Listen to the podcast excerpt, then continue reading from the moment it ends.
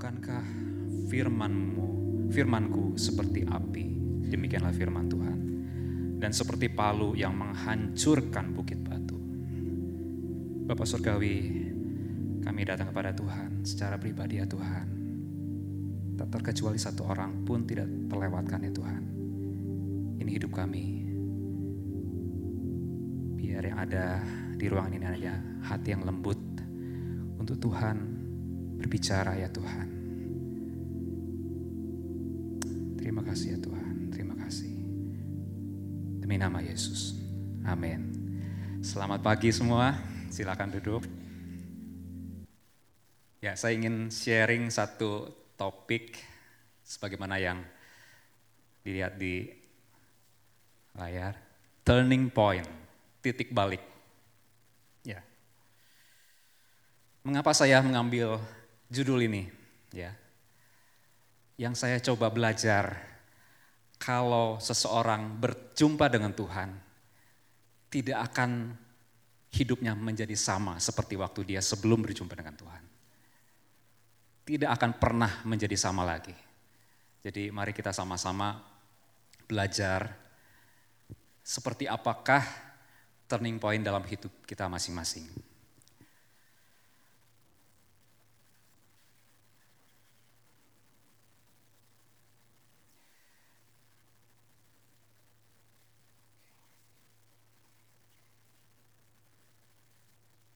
Baik, uh, ayat yang kita pakai selama tahun ini uh, di dalam satu Tawarih 28 ayat 9a ya.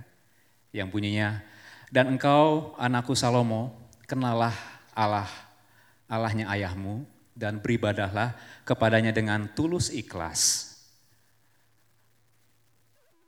dan dengan rela hati sebab Tuhan menyelidiki segala hati dan mengerti segala niat dan cita-cita satu ayat lagi, uh, satu kutipan lagi yang saya ingin kita sama-sama renungkan di dalam Roma pasal 12 ayat 1 sampai 2. Karena itu saudara-saudara, demi kemurahan Allah, aku menasihatkan kamu supaya kamu mempersembahkan tubuhmu sebagai persembahan yang hidup, yang kudus dan yang berkenan kepada Allah. Itu adalah ibadahmu yang sejati. Ayat 2, janganlah kamu menjadi serupa dengan dunia dengan dunia ini, tapi berubahlah oleh pembaharuan budimu, sehingga kamu dapat membedakan manakah kehendak Allah, apa yang baik dan yang berkenan kepada Allah dan yang sempurna. Kalau ditanya kenapa pilihnya pembahasannya dari kitab dari surat Roma ya.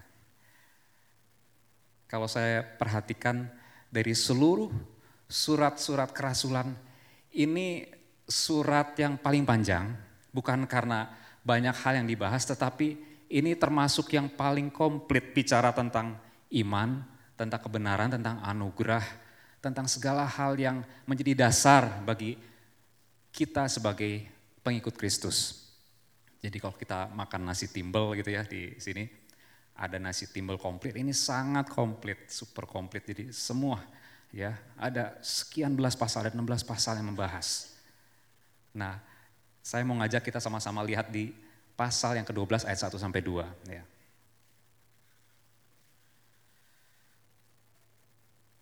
Baik. Poin yang pertama yang ingin kita sama-sama belajar adalah tentang kemurahan Tuhan. Jadi Tuhan yang memberikan kemurahan, ya. Tuhan yang menyatakan kemurahannya, ya. Yang pertama adalah bahwa kasih karunia Tuhan itu sangat besar. Di dalam Roma ayat 5, uh, pasal 5 ayat 15, tapi karunia Allah tidaklah sama dengan pelanggaran Adam. Sebab jika karena pelanggaran satu orang, semua orang telah jatuh ke dalam kuasa maut. Jauh lebih besar lagi kasih karunia Allah dan karunianya yang dilimpahkannya atas semua orang karena satu orang, yaitu Yesus Kristus turning point, titik balik. Mungkin ada yang berpikir, oh titik balik dalam hidup saya adalah waktu saya dulu pertama kali terima Yesus sebagai Tuhan dan Juru Selamat. Itu bisa terjadi. Ya. Saya setiap pagi saat saya berdoa sama Tuhan, Ini doa yang selalu saya katakan, Tuhan, Tuhan mau ngajar apa bagi ini, bagi saya. Saya mau hidup saya menjadi titik balik setiap hari, karena saya mau diubahkan. Ya, ada salah satu turning point yang cukup besar bagi saya sepanjang hidup saya. Dulu saya pikir kalau saya melayani Tuhan, saya sudah diberikan tanggung jawab yang cukup besar, saya pikir, wah udah luar biasa gitu ya. Terakhir saya bisa melayani sampai hampir 30 tahun secara full time. Wah saya rasanya, wah suatu pencapaian yang luar biasa. Bukan hanya jadi sekretaris jemaat lokal, tapi bukan hanya sinode, tapi saya dilibatkan dalam uh, kesekretariatan di apostolik. Saya pikir, wah luar biasa ya. Tapi satu saat 20 Mei, 28 Mei 2013. Sesuatu terjadi. Dan itu merupakan, saya coba renungkan, inilah salah satu turning point, titik balik yang sangat besar dalam hidup saya. Di mana dikatakan bahwa istri saya kena cancer dan bukan sekedar cancer, oleh dokter katakan ini cancer yang mudah kambuh dan mudah menyebar. Bukan hanya itu, Tuhan ngomong lewat satu hamba Tuhan, Tuhan pasti sembuhkan.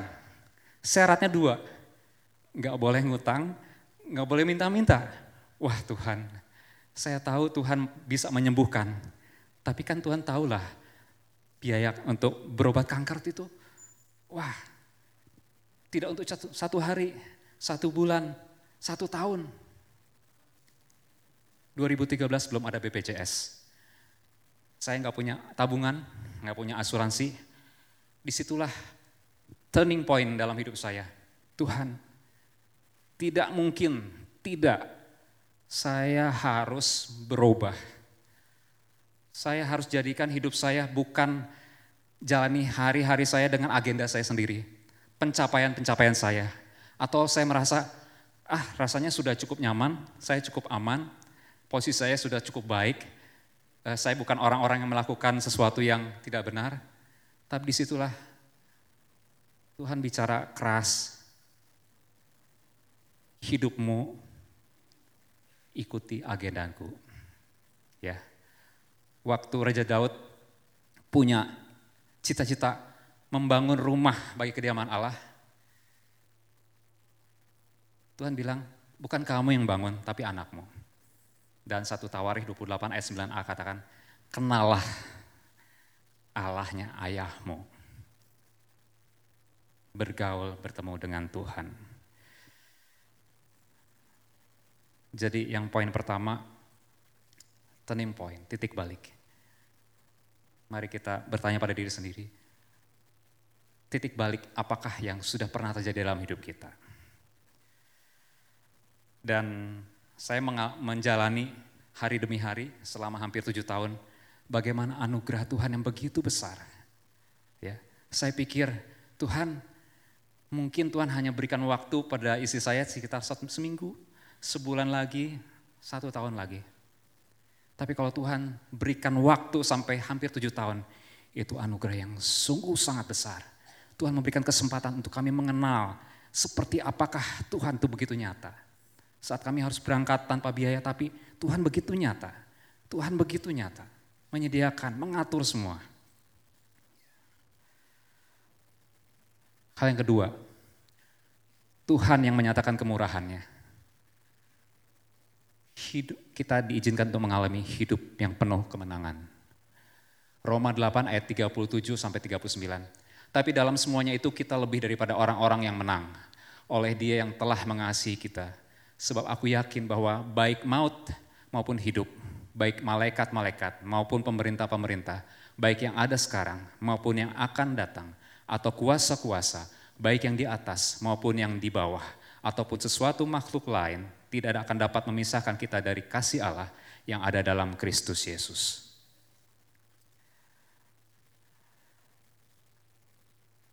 Saya melihat sendiri bagaimana kemenangan Kristus sungguh-sungguh nyata dalam hari-hari yang kami jalani hampir tujuh tahun. Sebenarnya sangat bisa dimaklumi kalau setiap hari saya maupun keluarga bisa melihat atau mengalami keputusasaan, tapi justru kemenangan Kristus yang bekerja dalam hidup kami, itu yang memampukan kami bisa melihat ke depan. Tuhan engkau sudah menang. Kalau kami berperang, berjuang, bukan supaya menang, tapi kami berjuang dari kemenangan yang sudah Tuhan kerjakan dalam hidup kami. Fight from victory, bukan fight for victory, tapi fight from victory. 1 Korintus 15 ayat 57. Tapi syukur pada Allah yang telah memberikan kepada kita kemenangan oleh Yesus Kristus. Telah. Itulah yang membuat istri saya setiap kali berobat ke dokter, di ruang praktek dokter, dia tidak pernah bosan-bosannya akan beritahu pada pasien yang lain, pasien cancer. Kalau kita angkat tangan pada Tuhan, Tuhan turun tangan. Ya, Tuhan itu ada, Tuhan itu nyata.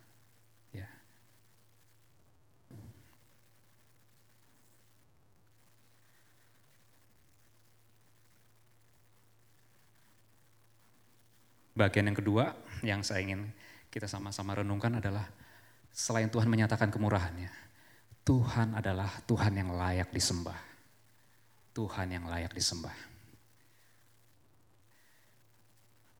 Di ayat 1 dari Roma 12, pasal 12. Karena itu saudara-saudara demi kemurahan Allah, aku menasihatkan kamu supaya kamu mempersembahkan tubuhmu sebagai persembahan yang hidup, yang kudus, dan yang berkenan kepada Allah itu ada ibadah, ibadahmu yang sejati.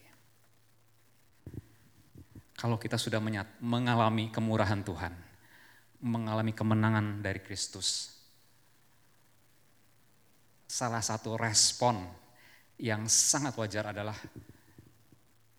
kita menjadikan hidup kita sebagai korban persembahan yang menyenangkan bagi Tuhan, ya. Bukan sesuatu yang tampak secara lahiriah, tetapi yang keluar dari hati, ya, keluar dari hati.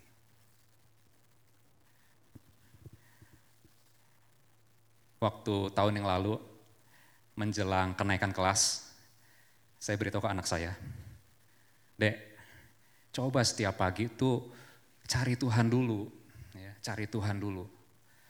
Kamu nggak usah sama seperti papa cari Tuhan, doa pagi-pagi sekali subuh-subuh. Gak usah.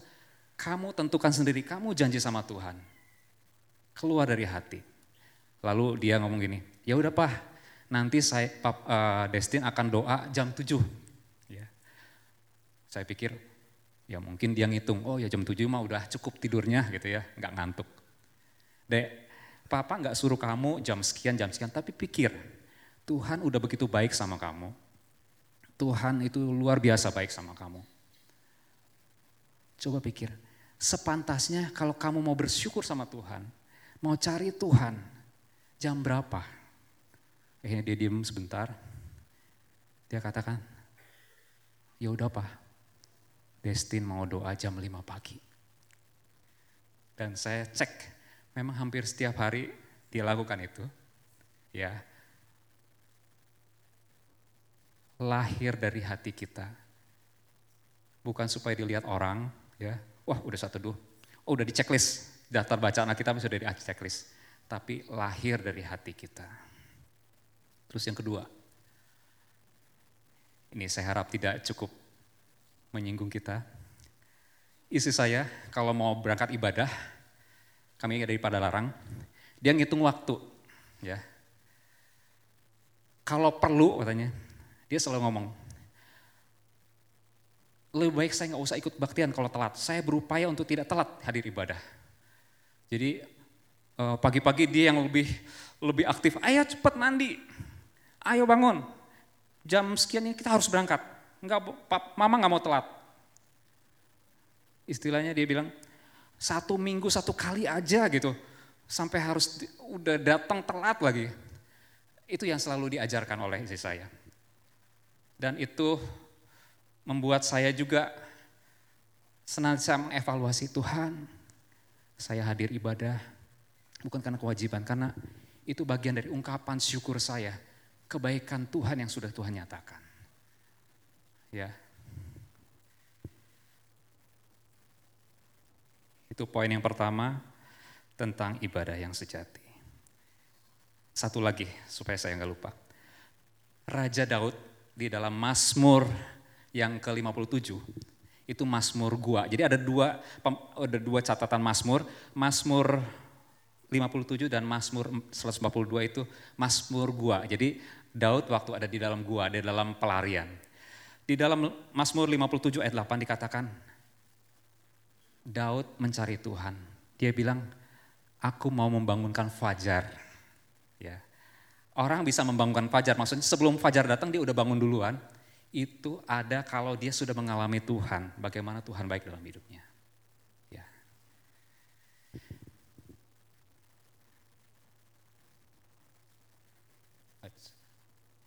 Poin berikutnya, Tuhan yang layak disembah. Hidup yang berbeda dengan dunia, sungguh-sungguh melakukan kehendak Allah. Ini terambil dari Roma 12 ayat 2. Janganlah kamu menjadi serupa dengan dunia ini, tapi berubahlah oleh pembaharuan budimu, sehingga kamu dapat membedakan manakah kehendak Allah, apa yang baik, yang berkenan kepada Allah, dan yang sempurna. Ya. Beberapa waktu lalu ramai dibicarakan tentang artificial intelligence. ya. Jadi ada satu teknologi yang istilahnya tanpa harus mikir, udah dengan sendirinya secara cerdas bisa memutuskan sesuatu. Kita sebagai pengikut Kristus seharusnya bukan menghitung untung rugi, menghitung mana yang logis di dalam setiap keputusan kita. Tapi apakah itu sesuai dengan kehendak Tuhan? Ya. Beberapa puluh tahun yang lalu ada satu gerakan, What would Jesus do? Jadi kalau kita menghadapi satu masalah, kalau Tuhan Yesus duduk dalam masalah tersebut, kira-kira Tuhan Yesus akan lakukan apa? Ini saya terus belajar juga kalau saya memutuskan sesuatu, kayaknya berisiko nggak ya sama saya? Kayaknya ini menguntungkan nggak ya buat saya? Tapi kalau kita sudah merasakan anugerah Tuhan, mengalami kemenangan yang begitu nyata dari Tuhan. Bukan itu lagi yang jadi dasar pertimbangan.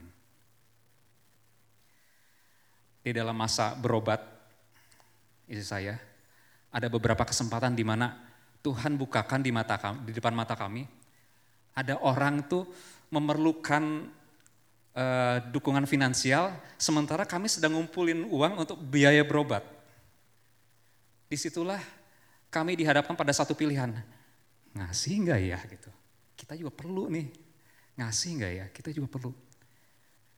Kami belajar untuk saling ngecek di dalam hati kami. Eh, dan sering kali Tuhan tuh bekerja dalam hati kami. Waktu kita saling diskusi, mau ngasih enggak? Mau ngasih enggak?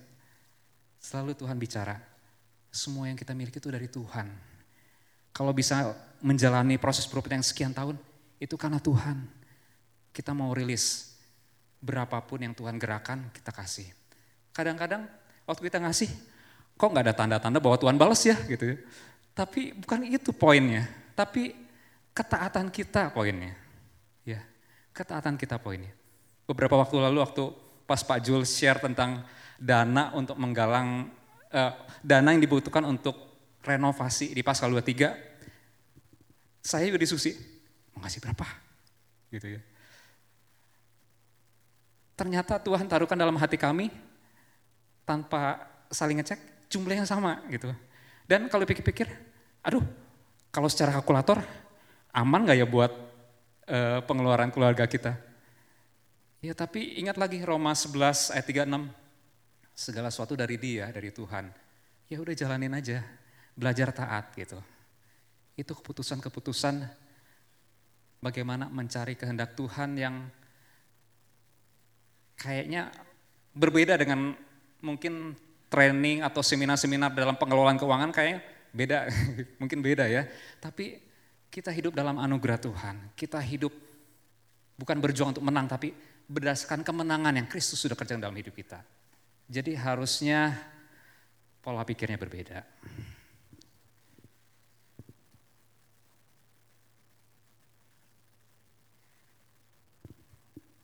Dikatakan di dalam Roma ayat eh, 2 ayat 4, maukah engkau menganggap sepi kekayaan kemurahannya, kesabarannya, dan kelapangan hatinya? Tidakkah engkau tahu bahwa maksud kemurahan Allah ialah menuntun engkau pada pertobatan? Pada hari saya dipanggil Tuhan, tanggal 30 Desember 2019, saya dipanggil oleh dokter, Pak tolong lihat sini, ini hasil ronsen paru sebelum dikeluarkan cairan, sebelum dipasang pipa untuk mengeluarkan cairan, dan ini yang kanan adalah hasil ronsen paru eh, setelah dipasang eh, pipa untuk mengeluarkan. Terlihat bahwa kondisi paru-parunya sudah jauh lebih baik. Ya, itu yang poin pertama. Dan terus saya ingat bahwa 28 Desember baru kemo pertama, sudah disiapkan obat, sudah siap semua untuk 4 Januari kemo kedua. Tapi saya belajar hari ini bahwa kadang-kadang kita bisa merancang. Tuhan, kita udah set up semua, sudah siapkan semua. Tapi kata Tuhan, tidak cukup. Hari ini sudah cukup. Dan istri saya bisa pulang, dipanggil Tuhan ke surga, dalam keadaan damai sejahtera. Saya pikir mungkin masih ada 12 minggu untuk kemo yang harus dijalani. Tapi kata Tuhan, cukup. saya belajar satu hal yang besar hari ini bahwa tidak harus Tuhan mengizinkan suatu krisis terjadi dalam hidup kita untuk kita lakukan turning point, titik balik. Tapi saat kita mendengar firman Tuhan, Tuhan bicara dalam hati kita. Itulah saatnya kita harus katakan pada Tuhan, Tuhan, biar agendamu yang terjadi dalam hidupku biar turning point itu Tuhan terjadi.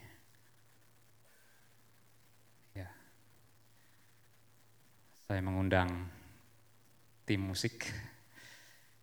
Kita sungguh-sungguh membiarkan hati kita terbuka pada pagi hari ini.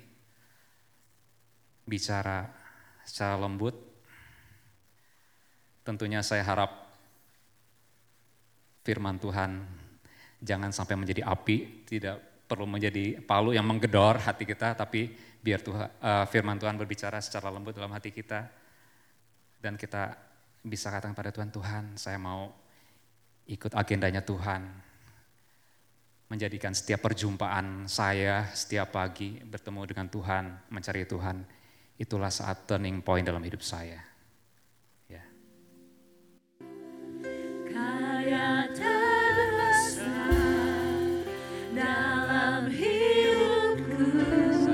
kita semua berdiri menaikkan pujian ini sebagai ungkapan dari hati yang terdalam.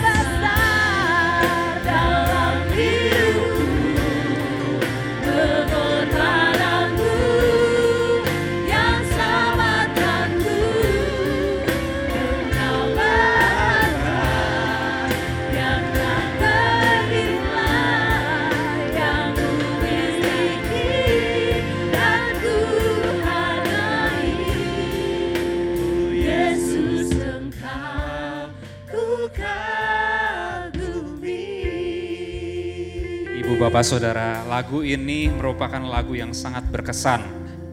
Kenapa? Kalau bukan karya Kristus, ya, segala upaya kita sia-sia. Rasul Paulus pada jemaat di Roma, Roma pada saat jemaat uh, Roma pada saat itu adalah merupakan pusat pemerintahan satu-satunya yang terbesar saat itu. Dia sampaikan pada jemaat di Roma, kalau bukan karena Injil Yesus Kristus, karya Kristus dalam hidup kita, tidak mungkin kita bisa menghampiri Tuhan.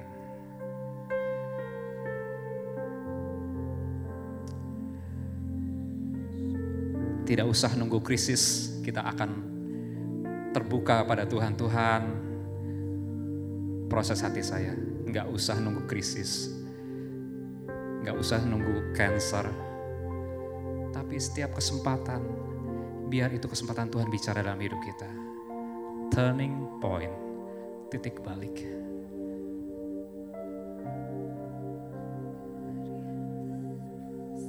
Menghadapi 2020 ini saya tahu bukan hal yang mudah. Bukan hal yang mudah. Baik sebagai keluarga, baik sebagai pengusaha, baik sebagai mahasiswa, baik sebagai siapa pun juga. Setiap tahun ada tantangannya tersendiri. Tapi sungguh, sungguh saya mau katakan Tuhan itu hidup. Tuhan itu Allah yang sangat mengasihi kita. Tuhan itu menyatakan kemurahannya. Bapak Surgawi, ini hidup kami Tuhan. Tidak peduli sudah berapa tahun kami mengikut Tuhan. Itu tidak penting ya Tuhan, tapi kami mau hati kami selalu lembut untuk Tuhan bicara, untuk Tuhan lakukan sesuatu dalam hidup kami. Hidup kami dirancangkan untuk rencana Tuhan yang besar, bukan untuk rencana yang biasa-biasa. Hidup kami adalah rumah kediaman-Mu Tuhan. Sama seperti Daud ingin membangun suatu rumah kediaman bagi Engkau Raja segala Raja. Tuhan jadikan hidup kami rumah kediaman, rumah di mana kemuliaan-Mu dinyatakan ya Tuhan. Tapi bukan dengan agenda kami sendiri. Dengan caramu Tuhan. Kami mau mengenal Engkau ya Tuhan, secara lebih mendalam dari hati kami. Kami mau berubah ya Tuhan. Kami mau mempersembahkan hidup kami sebagai persembahan ibadah yang sejati. Kami mau melakukan kehendak-Mu Tuhan. Mungkin secara dunia itu berbeda. Secara hitung-hitungan itu tidak masuk Tuhan. Tapi kami mau lebih taat kepada Tuhan. Terima kasih ya Tuhan.